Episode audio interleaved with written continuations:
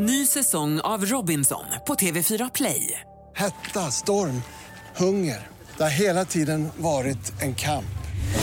Nu är det blod och tårar. Fan händer just nu. Det. är Detta är inte okej. Robinson 2024, nu fucking kör vi! Streama söndag på TV4 Play.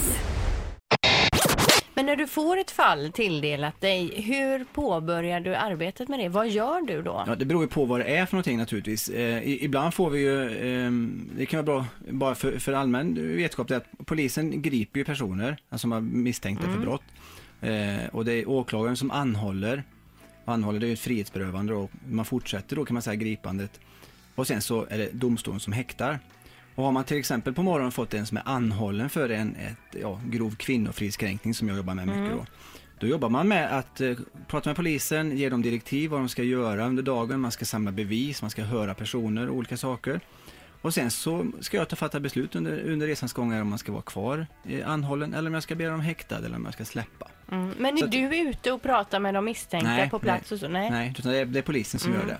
Men har du ett sånt där team runt dig som man ser att alla har på TV när de ska göra och så sitter ni och konfererar och så. Alltså man kan ju säga att som åklagare är ju förundersökningsledare som det heter då i, i vissa grövre brott.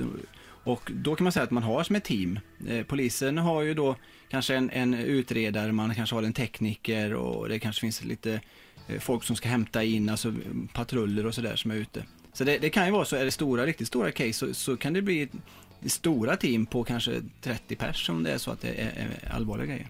Du, man är ju inte dömd förrän man är dömd. Nej. Eh, Men sen finns det väl någonting som heter ställt utom alla rimliga, eller vad heter det? Ja, just det. Precis. Ställt utom, utom allt rimligt tvivel. Ja, precis. Kan du känna i- själv ibland att den skulle behöva uppdateras eller att eh, bevisföringen kanske kunde varit eh, lite mer eh, rimlig? Du tänker att fler skulle bli fällda för brott, är det så du tänker? Ja. Nej, det tycker jag inte.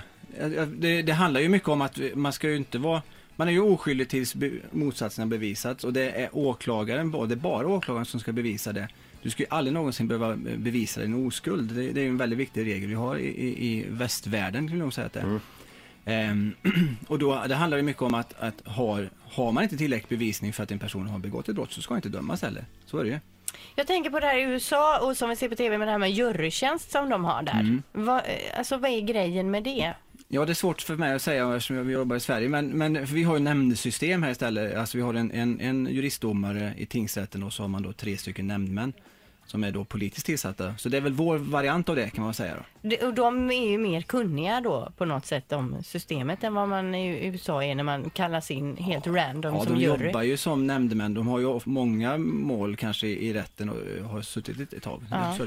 Bara fråga, hör man eh, det i Sverige också ofta som man ser på TV borta från USA? Protest, objection och så vidare. Jobbar man så? Nej, Nej. Det är rakt svar, svar Nej, nej. nej. nej. Det är Nej så- men vad säger man när man vill prote- protestera då? Ja, det, det, det kan vara olika. Det beror på vad det handlar om. Ja. Eh, ofta som vi protesterar så handlar det om kanske att försvararen ställer eh, frågor som, som är olämpliga till en, en, eh, ett brottsoffer kanske. Mm.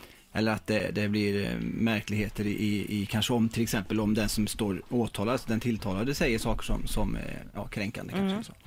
Du, vi är jätteglada över att du kom hit och vi hoppas att du inte får allt för stora påföljder av det här nu då med, med ditt besök Nej, vi får hoppas det. Och då hoppas vi att du, om du känner för att ta dig tid att komma tillbaka här, för vi kommer ha mängder med fler frågor framöver. det verkar Vi är inte klara med dig. Nej, långt ifrån, långt ifrån.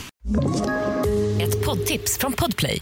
I podden Något Kaiko garanterar östgötarna Brutti och jag, Davva, dig en stor dos skratt.